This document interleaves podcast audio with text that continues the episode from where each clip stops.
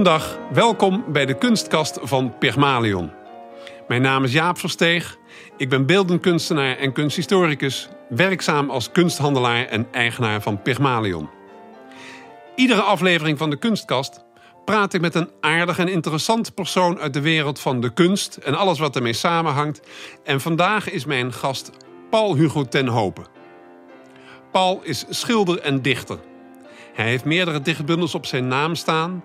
En hij was in het verleden als hoogleraar aan de Rijksacademie te Amsterdam verbonden, waar hij bevriend was met meerdere collega's zoals Otto B. de Kat, Piet Esser, Nicolaas Wijnberg en nog vele anderen. Paul, welkom in de kunstkast van Pygmalion. Laten we beginnen bij jou als persoon. Hoe ben jij ertoe gekomen kunstenaar te worden? Langs onbegrepen wegen in het begin. Uh, ik ben geboren in uh, Doetinchem. Dat is, was toen een tamelijk grote stad al in de Achterhoek. In de jaren twintig. Toen nog eventjes net voor alles op de schop ging wat betreft de economie en de moeilijkheden met, met, met Europa. Uh, wat toen eigenlijk heel weinig uh, te zien was of te horen, maar ik kan me nog herinneren dat het huis, dat heette De Zaaier. En het stond aan het eind van een stadje, dat zal ik nu, nu maar zeggen. Ja. De stad, Doetinchem dus. Ja. En uh, dat, dat was voor mij al een soort vrijheid toen ik als kleine jongen daar opgroeide.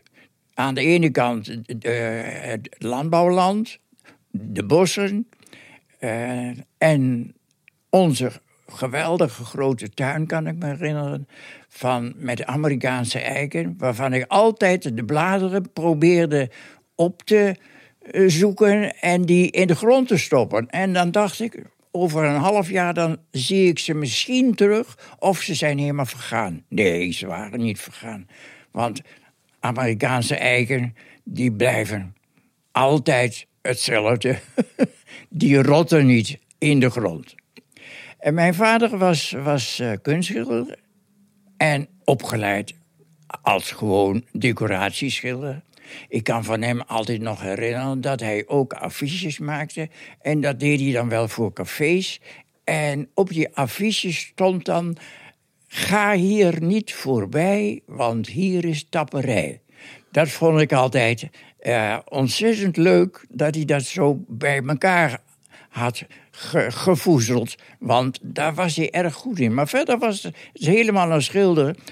Uh, zoals Theophile de Bok, dus uit, uit, de, uit de jaren voor 1900. Uh, hij had iets met de Haagse school te maken.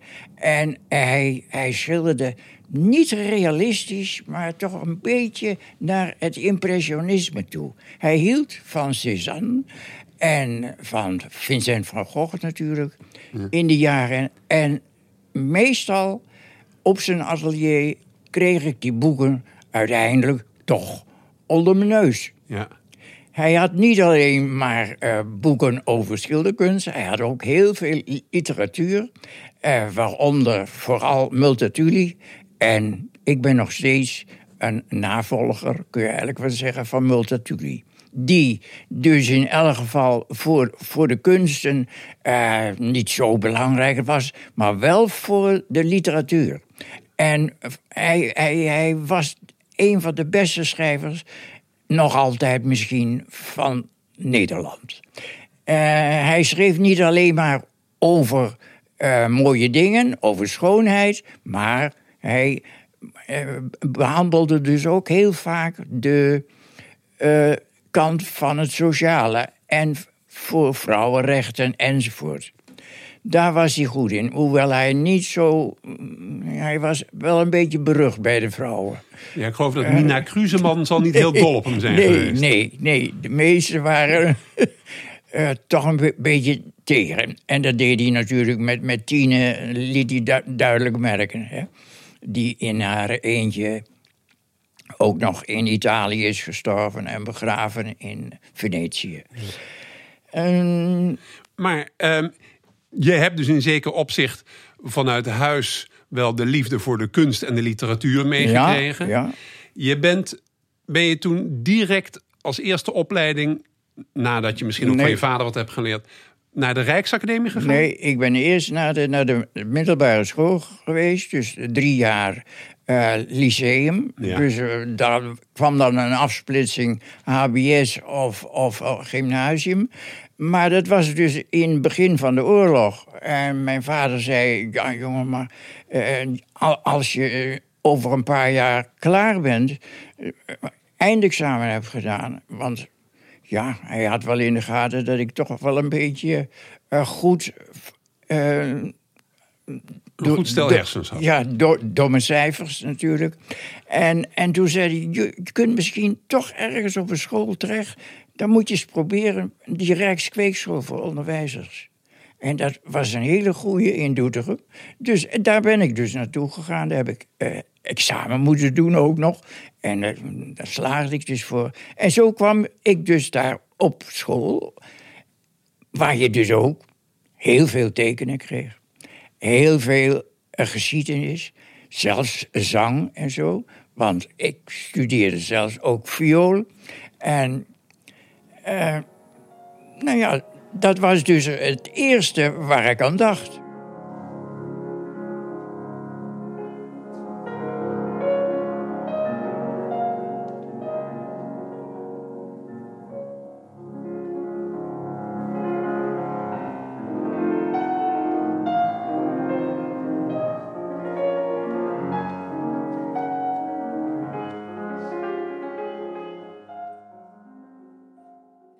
Ben jij in die periode ook al begonnen als dichter? Ben je toen ook al gaan schrijven? Ja, ik had ze dus eh, heel vaak eh, schoot het uit mijn pen. En ik heb toen in het begin van, van, de, van de jaren, eh, ja, vlak na de oorlog, gingen we natuurlijk allemaal naar Parijs. En in Parijs daar ontdekte ik natuurlijk zoveel eh, schrijvers en dichters...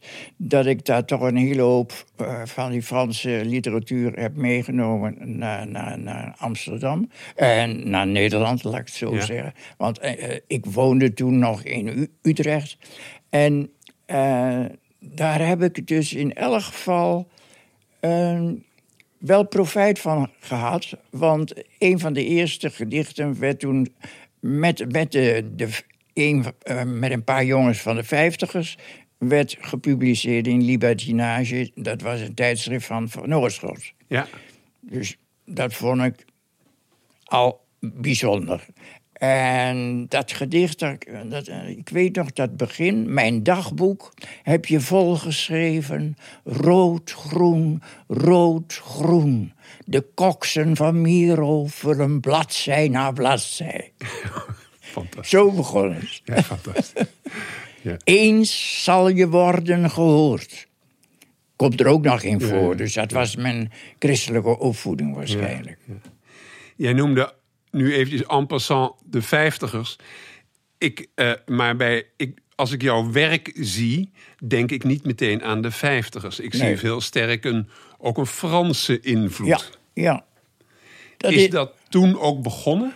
Eh, die Franse invloed die is toen niet helemaal begonnen, nee. Want eh, ik ging wel graag naar, naar Frankrijk, zelfs op de fiets, twee keer over zelfs.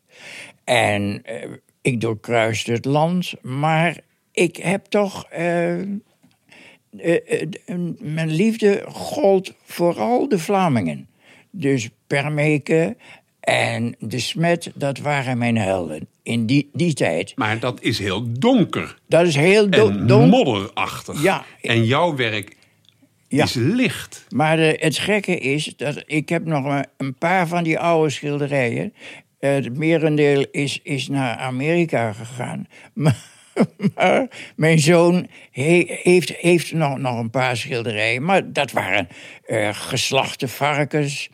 a- aan de leer, zoals Ja. ze in de achterhoek hingen. En zoals Met- Rembrandt ze ook al schilderde. Ja, en, en, en, en Soutine natuurlijk. Ja. Eh, en dat, dat was altijd in een tint van, van gelen, eh, okers en, en eh, rood en, en een beetje van, van dijkbruin. Aardekleur. Ja, aardkleuren. En zo ging ik dus eh, ook in die tijd eh, naar, naar Drenthe. Want Drenthe, dat had ik natuurlijk eh, door Van Gogh een beetje, het expressionistische. Eh, dan had, had je die, die grote boerderijen, die ik natuurlijk bij, bij Zwelo die, en met Borger. En toen heb ik een tijdje in Borger gewoond. En daar heb ik buiten geschilderd. En het waren allemaal tamelijke donkere schilderijen, moet, moet ik zeggen. Met, zelfs met grijze luchten. Gaf jij in die periode ook les? Of was je volledig vrij kunstenaar? Nee, ik, was, ik gaf les, dus eh, in, in tijd wanneer ik zin had. Ik denk dat ik een van de eerste mensen ben geweest die een tijdelijke baan had. Hè? Dus eventjes. eh, Ja. ik, ik viel altijd in voor tekenleraren eh, die, die ziek waren of overspannen. Ja, vooral in Utrecht, en, maar ook in, in, in Amsterdam.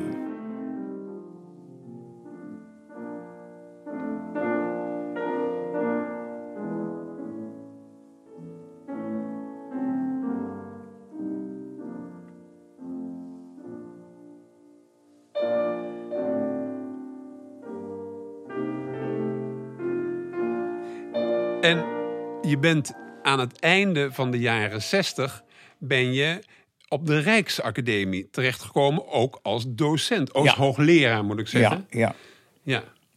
Hoe is dat gegaan? Dat was toen. eh, er was toen een tijd van eh, dat de Rijksacademie werd gezien als een academie waar altijd hetzelfde was. En dat was het natuurlijk niet. Maar eh, toen hadden ze nieuwe mensen nodig.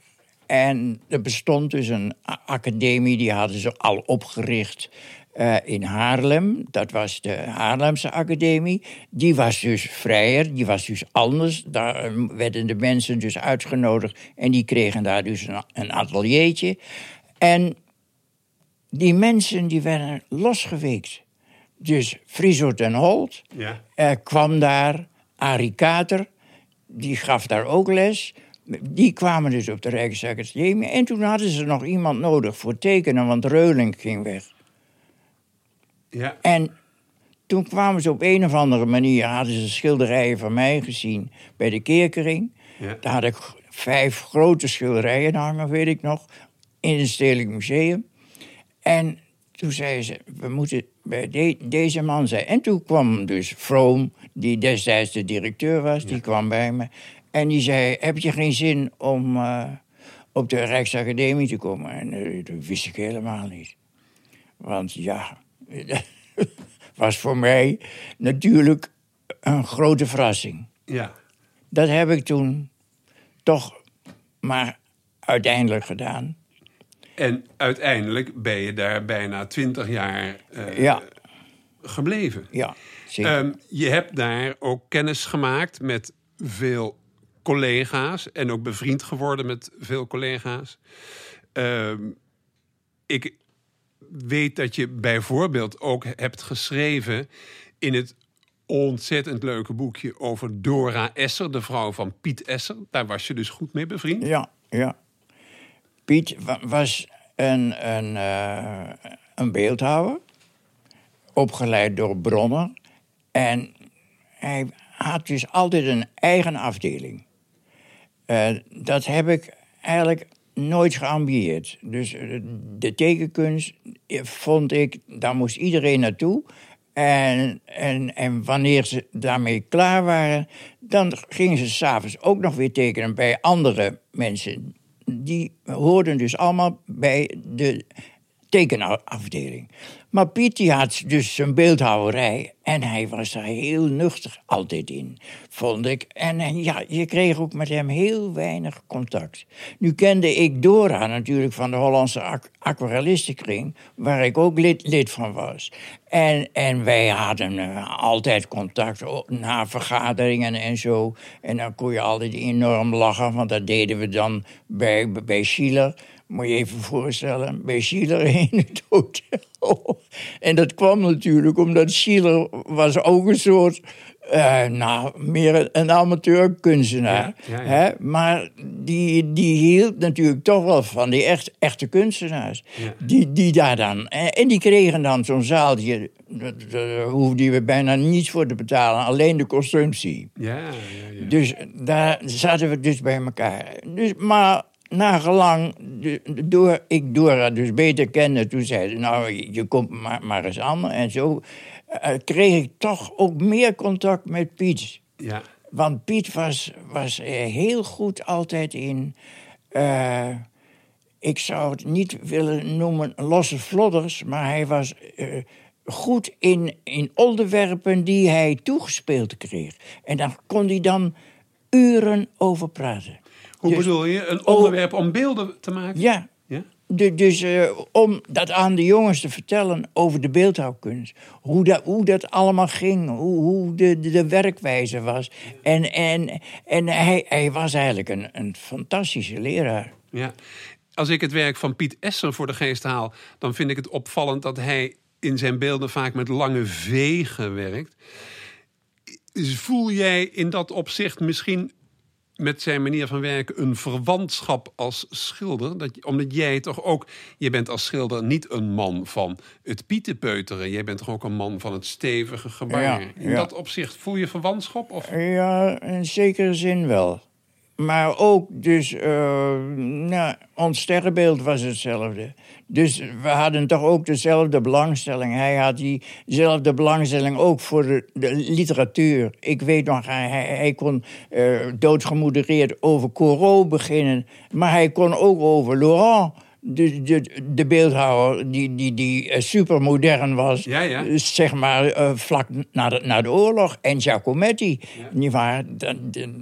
die heeft hij dus allemaal toch in zekere zin ook naar, naar Amsterdam gebracht. Met, met, met Wezelaar dus in het Stedelijk Museum. Ja. Tussendoor, welk sterrenbeeld betreft dit? De vissen. Ah, je bent vissen. What? Le poisson.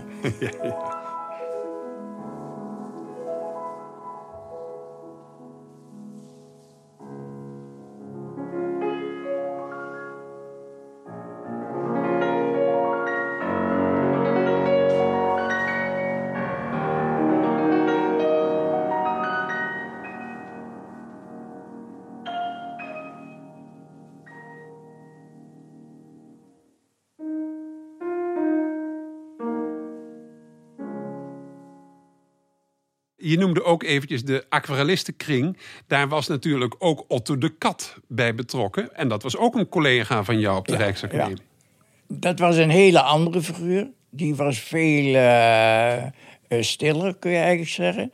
Maar hij had ook altijd een, een, een, eh, een, een enorme kracht. Ook in, in, zijn, in zijn schilderijen, vond ik altijd. En ik kon altijd heel goed met hem opschieten, omdat hij dus eigenlijk eh, hij heeft mijn, mijn, de ogen geopend, eigenlijk ook voor de, de Franse schilderkunst. Hij, hij hield van Marquet en hij hield, hield van, van Matisse. En die, uh, daar had hij altijd oog voor. Uh, de sublieme kleur wist hij altijd op het doek te brengen. Ja. En toch uh, soms smeerde hij dat erop met, met, een, met een groot penseel, maar ook vaak met, met, met, met enorme messtreken. Je uh, zei dat, dat, zou je zo in het begin niet zeggen. Nee, nee, nee, nee, nee, zeker. Jij uh, zei dat je in het begin beïnvloed was door de meer Vlaamse expressionisten Permeke. Ehm, maar jouw huidige en latere werk is heel sterk um, ook kleurrijk geworden. Ik noemde al de vergelijking met de Franse schilders. Ik denk daarbij ook aan de Nabi, Bonnard, Vuillard. Sprak je daarover met Otto de Kat? Ja, altijd. Ja? Ja, hadden het altijd over hoe, hoe we iets op konden stellen.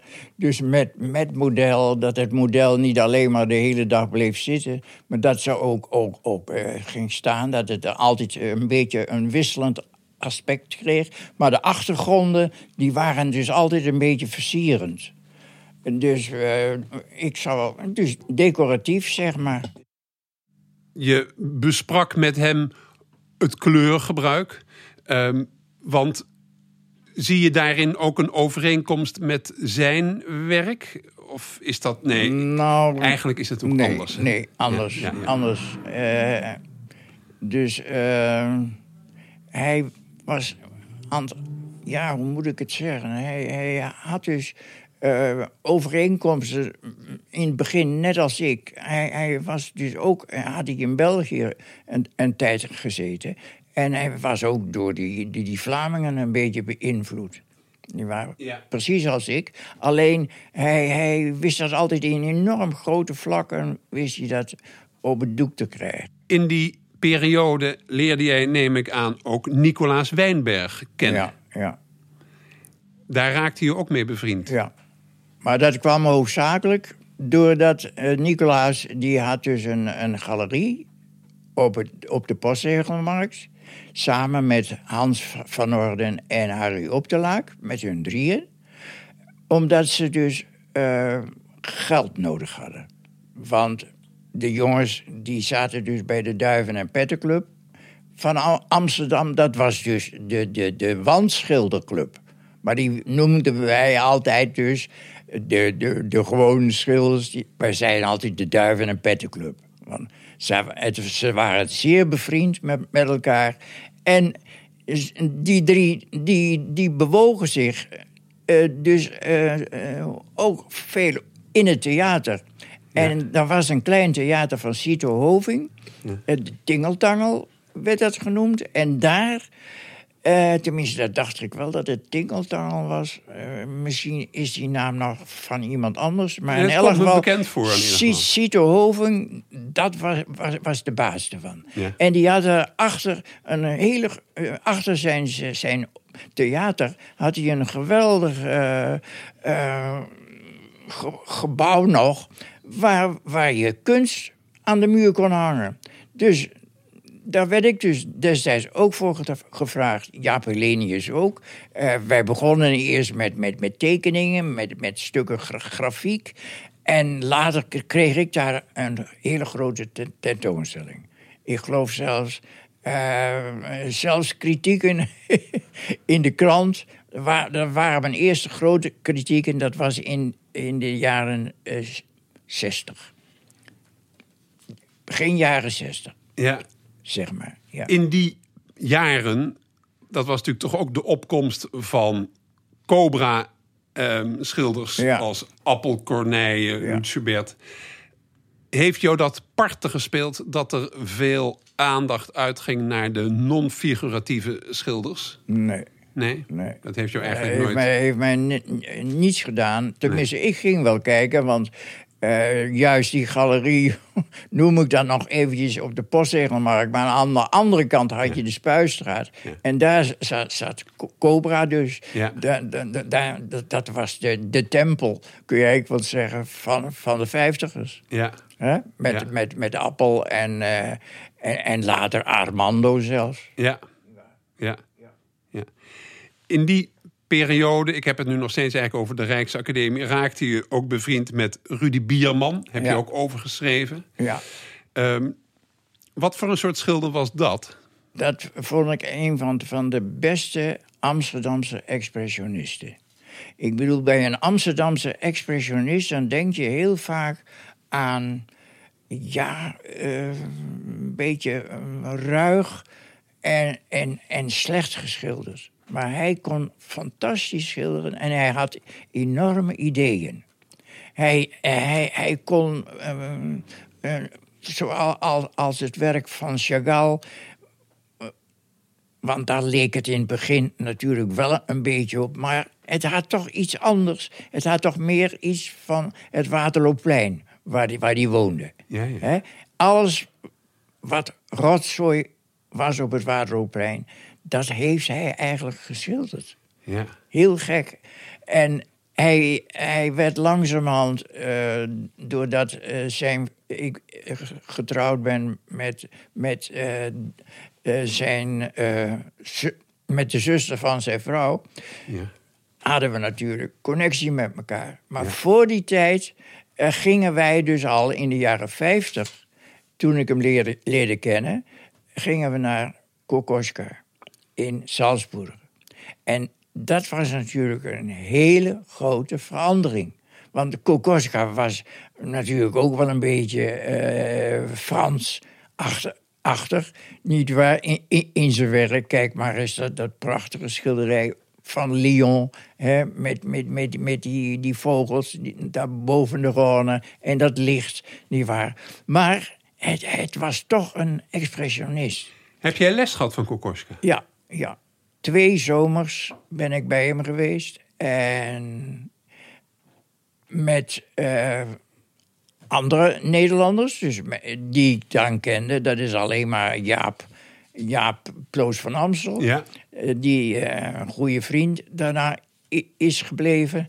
En, en Rudy Bierman dus. En, en met Paula Ties.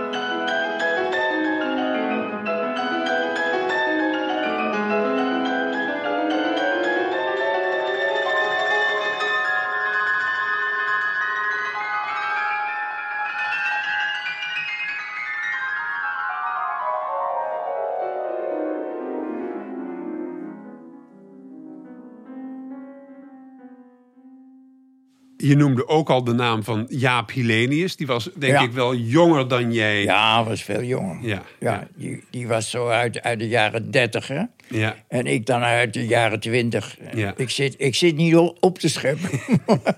maar het was gewoon... Ja. eh, we waren dus... Maar we, we hadden de, de, dezelfde streken, kun je eigenlijk zeggen.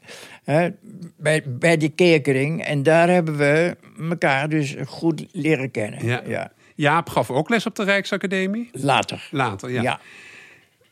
Helaas is de Rijksacademie op een bepaald moment ter ziele gegaan, zou je kunnen zeggen. Het bestaat nu nog wel, maar eigenlijk als een soort postdoctorale opleiding nu in een heel andere vorm. ja. Hoe is dat eigenlijk? Hoe heeft dat kunnen gebeuren? Ja, dat is een kwestie geweest waarschijnlijk van, van bezuinigingen, van geld. Want wij eh, hadden natuurlijk toch een, eh, een, een, een behoorlijk eh, con- contract hadden we allemaal. Eh, en, en dat moest eh, ieder, ieder jaar moest dat opgehoest worden in, in, Den Haag. En, en de eerste, dat waren hoofdzakelijk de, de, de, zijbeuken, zeg maar, van het ministerie. Toen dat opgeheven werd, eh, nadat daar. toen onderwijs, kunsten en wetenschappen was het. En Ja. kunsten en wetenschappen, dat zat bij, bij elkaar. En daar kregen wij het geld van. Wij hadden dus niets met onderwijs verder te maken. Dat werd dus eigenlijk ook niet op de Rijksacademie als eerste eh, werd dat gebruikt. Hè? Eh, ze haalden mij dus wel binnen, want niemand ha- had daar een onderwijsopleiding gehad. En ik dus wel. Vandaar misschien dat, dat ze me daarom he- hebben genomen, dat weet ik dus niet. Ze dachten, ja, dan krijgen we dus een beetje systeem erin. Ja. Eh, heb, ik, heb ik ook wel geprobeerd. Maar ja, dat is bij kunstenaars altijd moeilijk. Met kunstenaars moet, je niet te veel systemen bedenken. Eh, dat moeten ze zelf uit, uitfigureren. Ja. En zodoende, eh, door die bezuinigingen, dus om daarop terug te komen.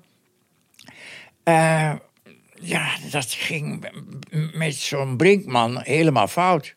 Die Ja. Brinkman, eh, die dacht dat hij eh, iets met kunst te maken had. Omdat zijn vrouw Janneke, die, die, die maakte dan beroemde aquarellen... Waar, waar heel Nederland over sprak destijds. Maar het was natuurlijk om te huilen, niet waar? En toen, uh, die Brinkman, uh, die heeft dus gezorgd... die heeft dus uh, andere mensen daar naartoe gestuurd... En dat moest helemaal doorgelicht worden. Oh, en we hebben er onzinnige vergaderingen altijd. Maar het is denk ik niet alleen een financiële kwestie geweest. Het zal toch ook zijn geweest dat er langzaam maar zeker steeds minder waarde werd gehecht aan het schilderen en tekenen en steeds meer aan het concept. Ja, tuurlijk, tuurlijk, ja. Want, uh, maar bij ons zaten natuurlijk ook jongens die, die graag iets met computerwerk wouden doen. Ja. Hè? En die, die gingen dan later toch wel naar andere academies waar, waar ze meer uh, profijt uh, van hadden. En dat hadden wij dus niet. Nee. Bij ons was het echt gewoon door middel van, van de tekenen naar, naar de natuur. Ja. Voor een groot gedeelte. Dat hoefde niet realistisch te zijn. Dat kon allemaal, alle variaties kon, kon dat in zich hebben. Niet waar? En, en dan het model was ook altijd heel belangrijk. Ja. En daar wouden ze toch kennelijk in Den Haag van, vanaf. Ja. Het is jammer dat daarmee natuurlijk een van de, zo niet de belangrijkste opleiding verloren is gegaan. Ja. ja. Ik zou niet weten waar je in ieder geval vandaag de dag nog naartoe zou moeten als je wil leren schilderen en tekenen. Ja, ja. Is maar dus, er zijn dus wel academies in, in, Nederland, misschien eh, Minerva, ik weet het niet, eh, in, in Groningen. Ik heb zelf op Minerva gezeten, ah, ja, ja. maar dat was ook in de jaren tachtig. En toen heb ik nog les gehad van Martin Tissing bijvoorbeeld. Ja, ja, ja. ja. Een hele goede schilder. Ja. Maar ik weet niet of het nog steeds uh, een opleiding is waar veel aandacht wordt besteed aan echt het schilderen en tekenen. Maar los daarvan. Um, we hebben het nu vooral gehad eigenlijk over het schilderen, maar je bent ook dichter. Is jouw dichterschap ook Frans beïnvloed? Ja, zeker. Maar ook Duits. Want uh, ik kom natuurlijk uit de Achterhoek. Dus eh, eh, het Saksische gedeelte. Mijn moeder die is in, zelfs in Duitsland geboren en, en op, op, op school geweest. Hoewel van, van Nederlandse ouders. Maar uh, die leerde mij dus al heel vroeg Duits. Ik weet het, ik, ik, ik, las al Duits toen ik voor mijn twaalfde jaar. Dus het, ik dacht, want ik was nogal veel ziek. Dus met tien jaar begon ik Duitse boeken te lezen. En zelfs met, met de Duitse letters, die moeilijke letters. Ja, die, het gotische schrift. Ja, het gotische schrift. En, en, uh, en daar ben ik natuurlijk ook een beetje door beïnvloed. Dat was in de eerste plaats toch ook Bertolt Brecht, denk ik. Ik geloof dat een van mijn uh, gedichten dus in, in, in, in een, een van die boekjes die ik uitgegeven heb. Dat heb ik opgedragen aan Bertolt Brecht destijds. En dat vond ik toen uh, een van de. Uh, ja, een, een fantastische dichter. En een ironicus. En die alles een beetje beheerste. Hè. Die de, de moeilijkheden zag. Uh, van, van, van het leven, van de sociale kanten van. Want uh, ja, ik, uh, ik was altijd ook voor uh, het sociale gedoe. een beetje. Ja. Je moest de mensen toch. je moest niet direct vijandschap hebben. Niet waar? Dat was ook de, de, de kant van Multatuli natuurlijk. Maar jij bent geen ironicus. Ik ben geen ironicus, nee. Nee, nee, nee. nee, Misschien dat we vanuit die gedachte dat ik jou de laatste vraag van dit gesprek mag voorleggen. Zoals je weet was Pygmalion een beeldhouwer uit de Griekse mythologie... die zijn schoonheidsideaal realiseerde in een beeld... en daar vervolgens verliefd op werd... Als wij dit gegeven vertalen in een vraag: wat is jouw ideaal als kunstenaar? Nou, op het ogenblik zou ik dat niet helemaal precies kunnen zeggen, geloof ik. Dat, uh, ik zie de idealen uh, van de kunstenaar van heden, zie je iedere keer voor de ogen. Maar in mijn tijd, toen ik dus eigenlijk begon, was het het ideaal van: ik wil iets met die natuur. Daar wil ik iets van, van laten zien. That's all. Ja. Dankjewel, Paul. Een roos is een roos, is een roos.